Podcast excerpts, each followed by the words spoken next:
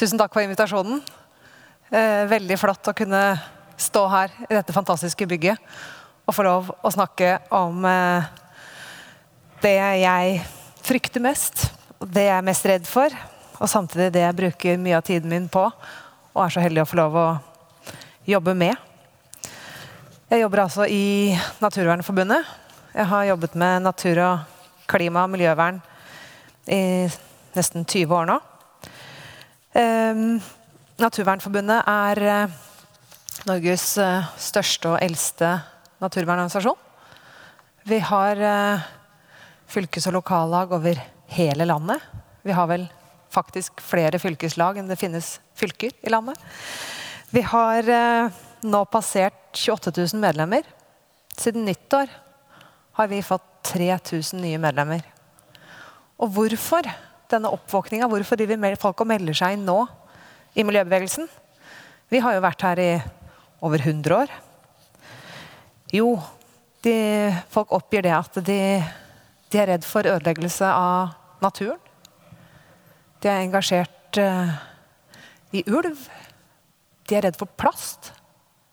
Men mest av alt er de redd for uh, klimaendringer. Og hvorfor er vi redd for klimaendringer? Hvorfor skal vi prøve å stanse de? Hva er det de, er det de kan føre til? Vi kan jo begynne med vårt eget land. Hvordan det så ut her i Norge i sommer. For de som eh, var her på Østlandet eller reiste litt rundt på Sørlandet, så så dere et land som var så brunsvidd som det ikke hadde vært på noensinne.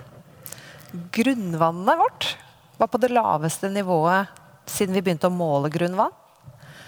Vi hadde en uh, tørkesommer som vi aldri har opplevd før, siden vi begynte å måle klima. Temperaturen i mai og juli var 4,5 grad høyere enn uh, normalt. Og nedbøren var mellom 114 eller 115 og 50% lavere enn normalt. Så det var ekstremt. Vi hadde store skogbranner. Som var lite sammenlignet med vårt naboland Sverige. Som var lite sammenlignet med resten av Europa. Nedover i Spania, Hellas. Store skogbranner som også tok menneskeliv og ødela enorme områder. I USA har de opplevd eh, store skogbranner. Eh, hele byer er utsletta. Og dette er eh, land vi kjenner oss igjen i. Dette er nært. Klimaendringer fører til at isbreer smelter. Én ting er våre egne isbreer.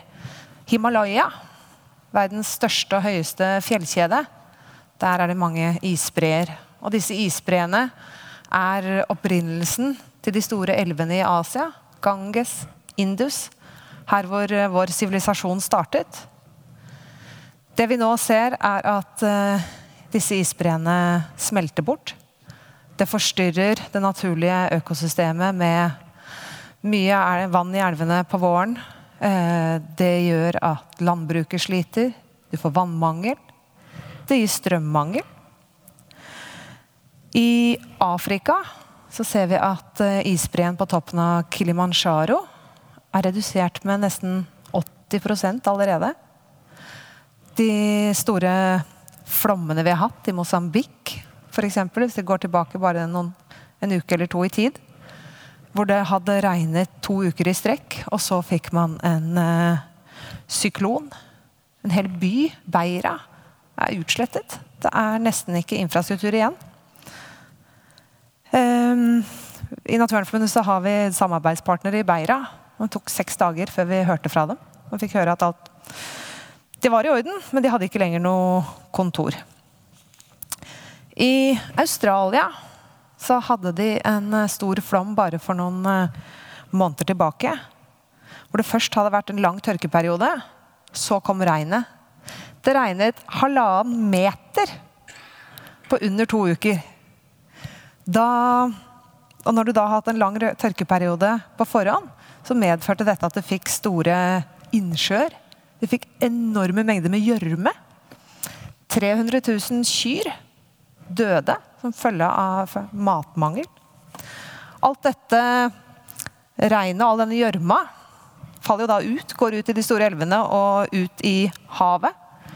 Australia så treffer det da Great Barrier Reef, et korallrev som allerede er eh, Store deler er ødelagt pga. korallbleking, pga. klimaendringer. Så får du da all denne gjørmen og dette skitne vannet som uh, går ut i havet. I Arktis så ser vi allerede uh, temperaturøkningene, og vi ser allerede store endringer. Og det er et av de områdene i verden hvor vi raskest ser endringene. Eh, isen rundt Nordpolen. Der fins det jo kart som viser hvordan utbredelsen har minket inn for hvert år. Det er i september, rundt 16. september hvert år at eh, isen i Arktis er på det laveste. For da har eh, varmen og sola virket gjennom hele sommeren. Og det vi ser nå er at Ikke bare er det mindre is, men den er også tynnere. Dette gir store konsekvenser for eh, økosystemet i Arktis. Eh, arter som sel og isbjørn er avhengig av isen. Det er der de får ungene sine, det er der de jakter. Mindre is gir langt større avstander å svømme på. Eh, og vi står i fare for å utrydde isbjørnen som art. Noen hevder at kan ikke isbjørnen bare endre seg og lære å leve på land? Jo, den kan det. Det heter brunbjørn og grizzlybjørn. Og det tar 10 000 år å endre seg som en art og utvikle seg sånn at du kan tåle å leve et annet sted. Ehm, vi ser også at klimaendringene bidrar til eh, økte konflikter, og at eh, kriger eskalerer, og flere flyktninger. Jeg pleide å tenke at uh, fletter er litt barnslig. Det bruker jeg ikke sånn i formelle sammenhenger. Nå har jeg ombestemt meg. Og etter å ha sett uh, Greta Thunberg, 16-åringen fra Sverige, så tenker jeg at fletter, det er makt. Og jeg tror at oljenæringa, jeg tror etablerte politikere, de frykter fletter. De er redd for denne svenske 16-åringen som eh, sier det som skulle vært sagt. Og hun sier det så direkte og så ærlig. Time Magazine har eh, kåret Greta til en av verdens mest innflytelsesrike tenåringer. Og I forbindelse med 8. mars så ble hun eh, kåret til årets kvinne i Sverige. Greta holdt en tale under World Economic Forum i Davos 25.1 i år. Da satt hele verdenseliten i salen, og de lyttet. Denne talen er det blitt sitert mye fra i ettertid. Og i respekt for Greta så leser jeg hele talen. Den er ganske kort, istedenfor å bare ta ut noen uh, sitater. Den ble jo egentlig holdt på engelsk, men jeg har uh, oversatt den til uh, norsk. Da må dere tenke dere at dere sitter i Davos at dere er mektige mennesker, dere har mye penger. Alle som sitter rundt dere, betyr noe i samfunnet. Og det står en 16-åring fra Sverige foran dere og snakker. Huset vårt står i brann. Jeg er her for å si at huset vårt står i brann. Ifølge FNs klimapanel har vi mindre enn tolv år på oss til å gjøre om på våre feil. På den tiden må store endringer i alle samfunnslag skje. Og CO2-utslippene må halveres. Og husk at denne endringen skal skje rettferdig. Et viktig prinsipp som er nedfelt i Parisavtalen. Og selv med 50% kutt i klimagassene, så er det risiko for at vi når tipping point. Og utløser mekanismer som øker utslippene. Slik som den ekstremt kraftige metangassen som slippes løs fra tinende arktisk permafrost. Ja, vi feiler. Men det er fortsatt tid til å snu alt rundt. Vi kan fortsatt fikse dette. Vi har fortsatt skjebnen i våre egne hender. Men om vi ikke innser at vi har feilet, så har vi sannsynligvis ikke en sjanse. Vi står overfor en katastrofe av ufattelige lidelser for et enormt antall mennesker. Dette er ikke tiden for å snakke høflig eller fokusere på hva vi kan eller ikke kan si. Nå er det tid for å snakke tydelig. Løsning av klimakrisen er den største og mest komplekse utfordringen som Homo sapiens noen gang har møtt. Hovedløsningen er imidlertid så enkel at selv et lite barn kan forstå det. Vi må stoppe utslippene av klimagasser. Enten så gjør vi det, eller så gjør vi det ikke. Det hevdes at ingenting i livet er svart-hvitt, men det er en løgn. En veldig farlig løgn. Enten forhindrer vi 1,5 grads oppvarming, eller så gjør vi det ikke. Enten unngår vi å igangsette den irreversible kjedereaksjonen utenfor menneskets kontroll, eller så gjør vi det ikke. Enten velger vi å fortsette som en sivilisasjon, eller så gjør vi det ikke. Det er så svart eller hvitt som det blir. Det er ingen grå områder når det gjelder overlevelse. Vi har alle et valg. Vi kan skape endringer som vil sikre levevilkårene for fremtidige generasjoner. Eller vi kan fortsette med vår virksomhet som vanlig og mislykkes. Det er opp til deg og meg. Noen sier at vi ikke bør engasjere oss i aktivisme. I stedet bør vi legge alt til våre politikere og bare stemme for en endring. Men hva gjør vi når det ikke er politisk vilje? Hva gjør vi når den politikken som trengs, ikke er i sikte noe sted? Her i Davos, akkurat som alle andre steder, snakker alle om penger. Det virker som om penger og vekst er våre eneste og viktigste bekymringer. Og siden klimakrisen aldri har blitt behandlet som en krise, er folk ikke klar over de fulle konsekvensene i vår hverdag. Folk er ikke klar over at vi har et karbonbudsjett, og hvor utrolig lite det resterende karbonbudsjettet er. Det må endres i dag. Ingen annen nåværende utfordring kan sammenlignes med hvor viktig det nå er å skape en bred bevissthet og forståelse for hvor raskt karbonbudsjettet forsvinner. Det bør og må bli vår nye globale valuta og selve hjertet i vår framtid og basis for vår nåværende økonomi. Jeg streiker fra skolen for å protestere mot den totale mangel på handling mot klimaendringene. Det burde du også. Vi er nå på et tidspunkt i historien hvor alle med innblikk i klimakrisen som truer vår sivilisasjon og hele biosfæren, må snakke klart språk. Uansett hvor ubehagelig og lite lønnsomt det kan være. Vi må forandre nesten alt i våre nåværende samfunn. Jo større ditt karbonavtrykk er, desto større er din moralske plikt. Jo større plattform du har, jo større er ansvaret ditt. Dere voksne fortsetter å si vi skylder det til de unge å gi dem håp. Men jeg vil ikke ha ditt håp.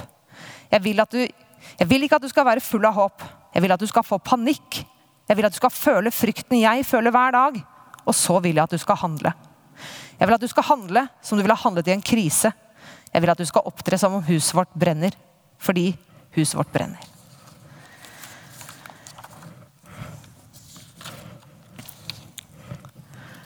Den uh, talen hun holdt, er jo blitt sitert mange steder. Og de norske politikerne omfavner uh, Greta. De skryter av de norske ungdommene som har vært ute og demonstrert. Uh, og de snakker mye om klima. Men hvordan er det å være nordmann midt oppi klimakrisen? Har vi noe å skryte av? Nei. Norge er et av eh, verstinglandene globalt. Våre utslipp har økt siden 1990. Det er bare to land i Europa som har økt utslippene sine. Det er Norge og Bulgaria. Danmark og Finland og Hellas og Storbritannia, Italia, Frankrike og Sverige. Land som vi liker å sammenligne oss med. De har alle redusert utslippene sine med mellom 15 til 30% Og hvor er det de norske utslippene har økt? For det er jo faktisk kuttet i mange sektorer. Jo, det har økt i olje- og gassvirksomheten. Kraftig. Vi øker tempoet. Nye leteområder legges ut. Vi subsidierer letinga. Og vi har en enorm oljelobby. Bare denne måneden ble det gitt 90 nye letekonsesjoner i norske havområder. I januar ble det gitt 80 nye utvinningstillatelser. Norge alene står for halvannen prosent av de globale utslippene. Men vi har bare under en promille av befolkninga.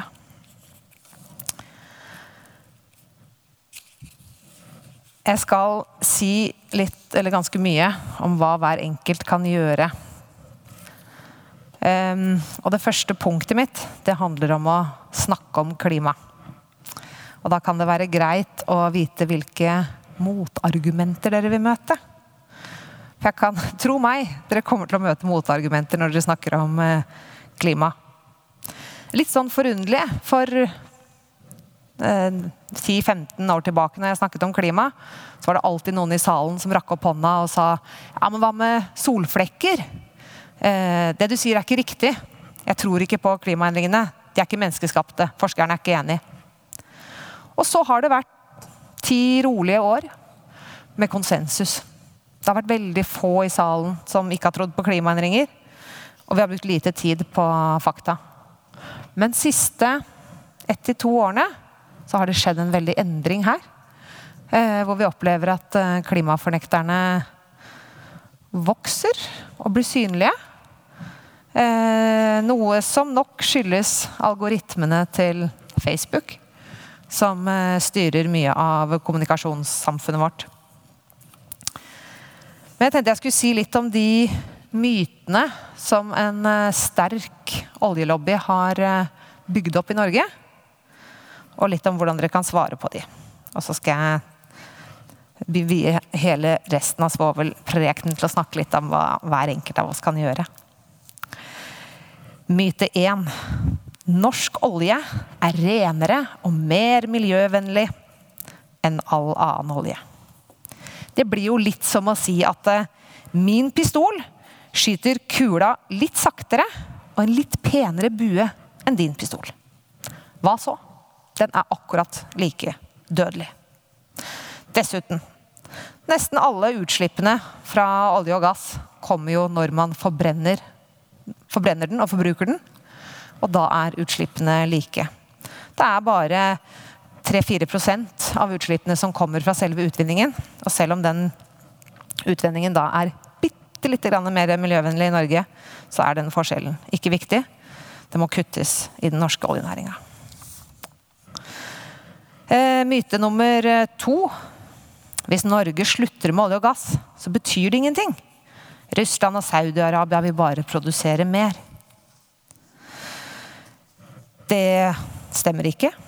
Vi har flere forskningsrapporter som viser at hvis Norge lar olja ligge, så blir den liggende. To tredjedeler av den oljen og gassen som vi allerede har funnet, må bli liggende. Det sier FNs klimapanel hvis vi skal ha sjans til å rekke klimamålet.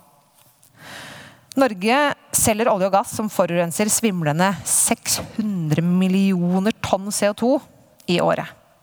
Det er ti ganger så mye som de utslippene vi har eh, i vårt eget land. Og Hvis vi stopper å produsere og selge olje, så vil den faktisk bli liggende i bakken. Det er vår olje. Det er Norge som eier den. Det er ingen andre som vil ta den opp.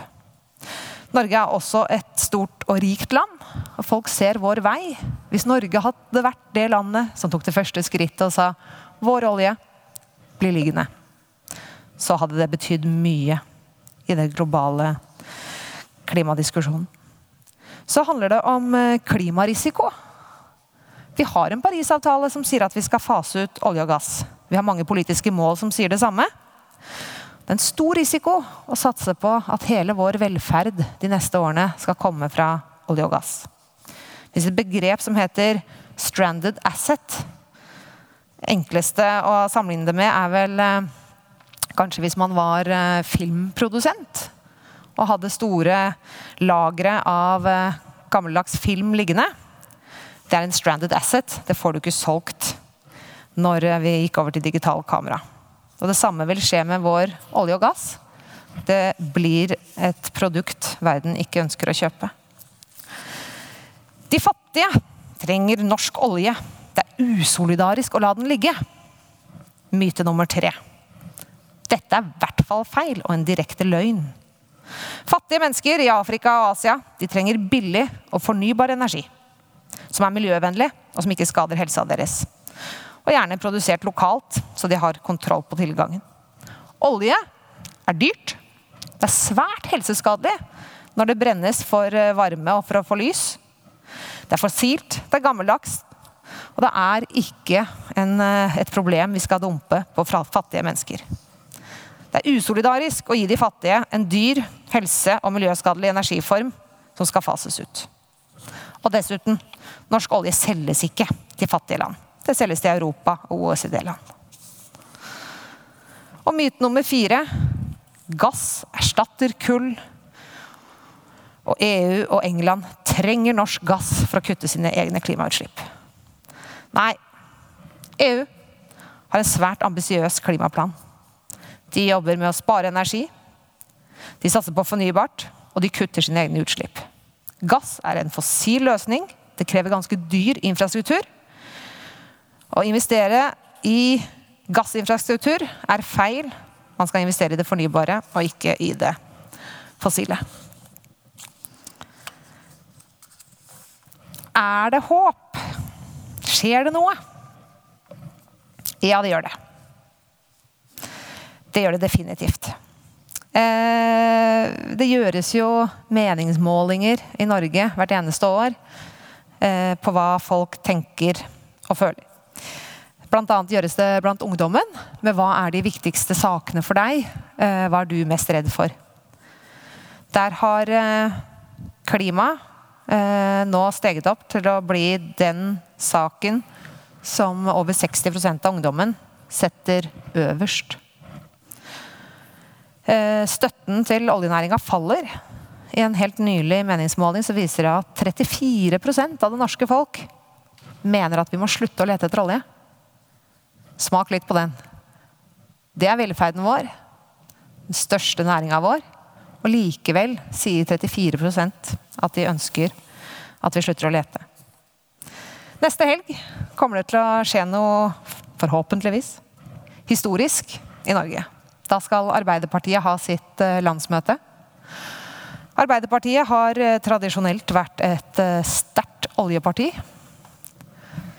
Nå har svært mange av fylkeslagene snudd, og det er fremmet forslag om at Arbeiderpartiet skal gå imot oljeboring utenfor Lofoten, Vesterålen og Senja.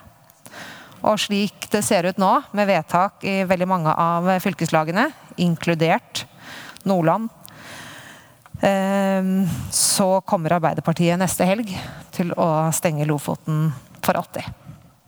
Og det er en enorm seier for oss i miljøbevegelsen, som har jobbet med den saken i svært mange år.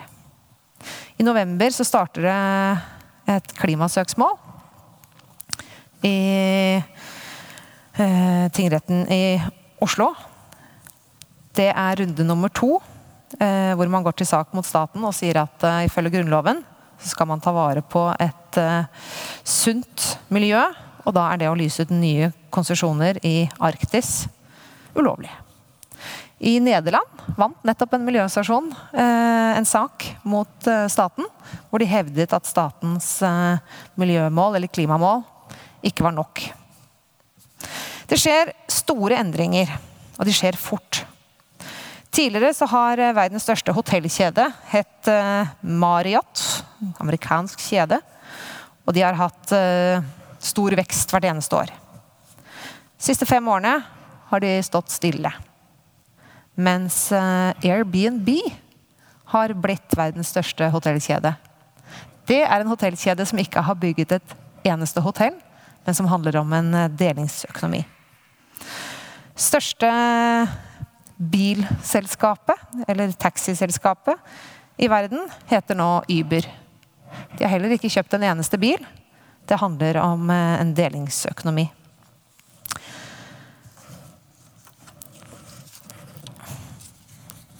Da skal jeg si litt om hver enkelt av oss. Hva dere kan ta med dere hjem og føle at dere bidrar. Det viktigste det aller viktigste er å snakke om klima. Tørre å snakke om elefanten i rommet. Snakk om det på Facebook. Del saker som handler om klima. Snakk om det i familieselskap, i lunsjen. Finn en felles referanse. Det er ikke sånn at fakta nødvendigvis overbeviser. For folk er det mye viktigere hvor man kommer fra, og hva vennene ens mener, enn hva faktaene man leser i avisen eller en forsker forteller deg. Finn en felles referanse hos folk. Er det idretten som binder dere sammen? Er det kirken? Snakk om klima på arbeidsplassen. Hør med sjefen. Hva gjør vi? Eh, og ikke minst, bruk stemmeretten til høsten. Den kan brukes på mange måter. Man kan stemme på et eh, miljøparti. Og man kan være medlem i et fossilt parti. Og man kan bruke stemmeretten sin internt i partiene til å støtte de viktige og store klimatiltakene. Og som Greta sa i sin tale, jo større plattform du har, dess mer ansvar har du. Jo flere venner, jo mektigere posisjon, jo større ansvar har du på klima. Og det gjelder jo om man er leder på jobben, eh, om man eh, driver en idrettsorganisasjon. Om man kan skrive godt, bruk det. Eh, om du har mange venner på Facebook, bruk det. Og på arbeidsplassen så er kanskje det viktigste spørsmålet du skal stille sjefen Hvor er vår pensjon plassert? For investeringene som en arbeidsplass gjør, og særlig hvis man jobber i en stor bedrift, er svært viktig. Invester i fornybart. Sørge for at pensjonen eh, er i et firma som tar, eh, har etiske retningslinjer. Og så sånne enkle ting som hvor mye flyr vi? Har vi alle møter fysisk, eller kan vi møtes på Skype? Har min arbeidsplass sykkelparkering for besøkende og for ansatte? Og så ens egen sparekonto. Har min bank etiske retningslinjer? Og for de som har veldig mye penger, som kanskje driver med investeringer i aksjer og slikt, se etter det fornybare og unngå det fossile. Og så er det dette med fly, da.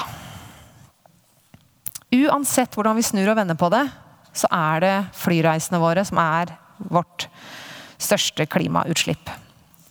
Ehm, det er eh, de lange feriereisene, og det er jobbreisende. Det utgjør jo i antall bare en bitte liten andel av reisene våre.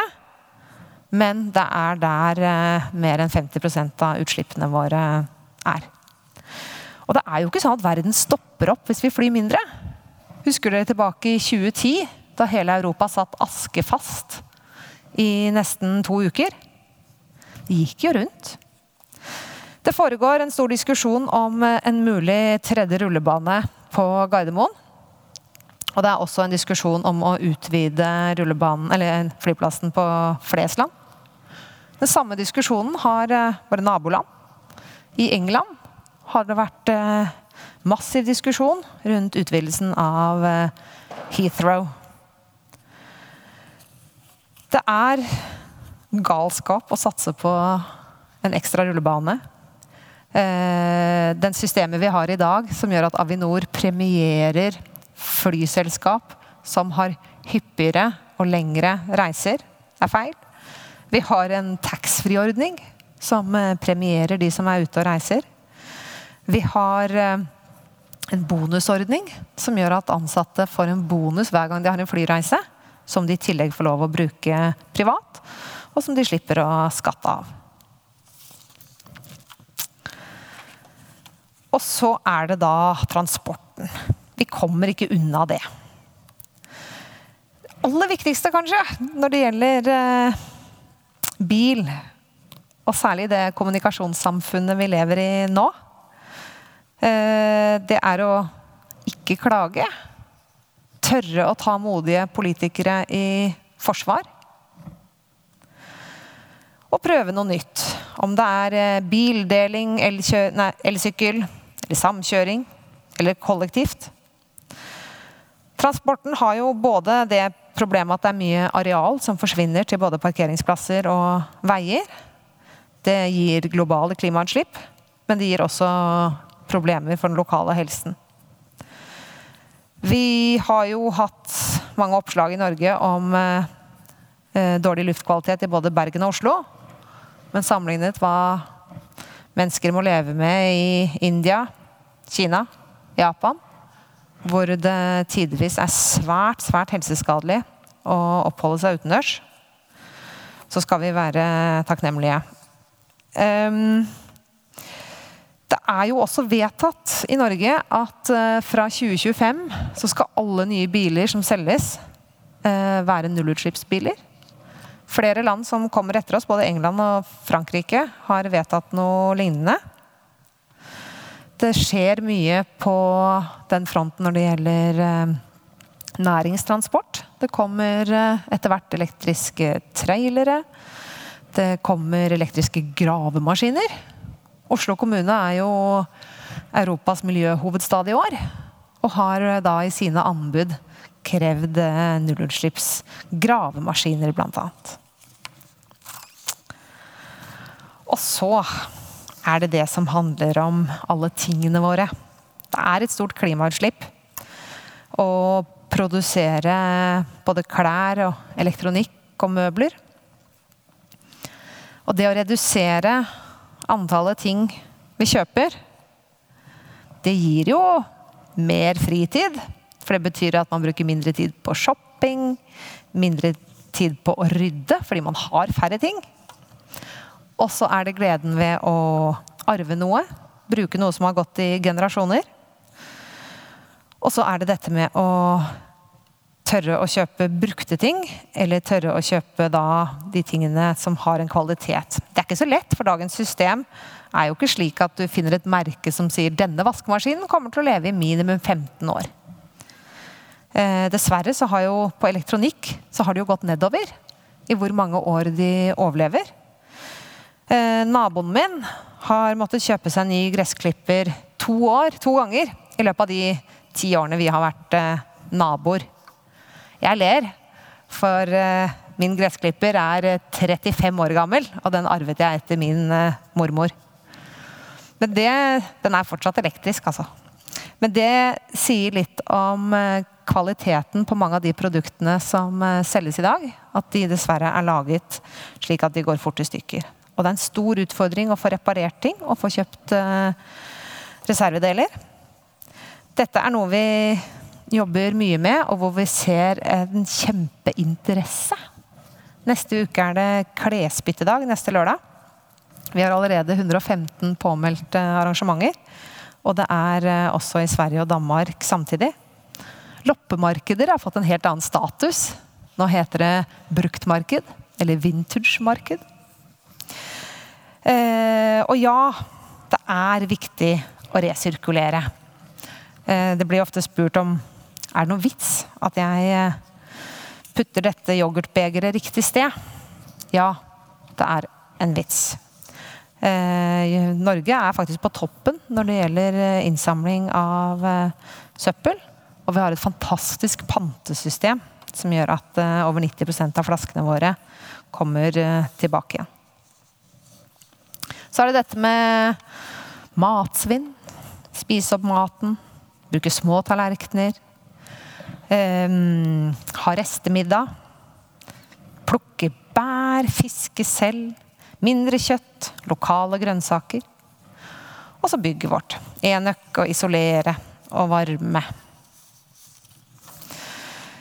Så ja, eh, det er mye hver enkelt av oss kan gjøre. Det er eh, viktig å snakke om klima tørre å snakke om klima i valgkampen som kommer nå. Eh, og tørre å stemme på noen som sier at de faktisk skal ta de klimagrepene som trengs. Så jeg håper ikke jeg har eh, tatt for mye mot fra dere.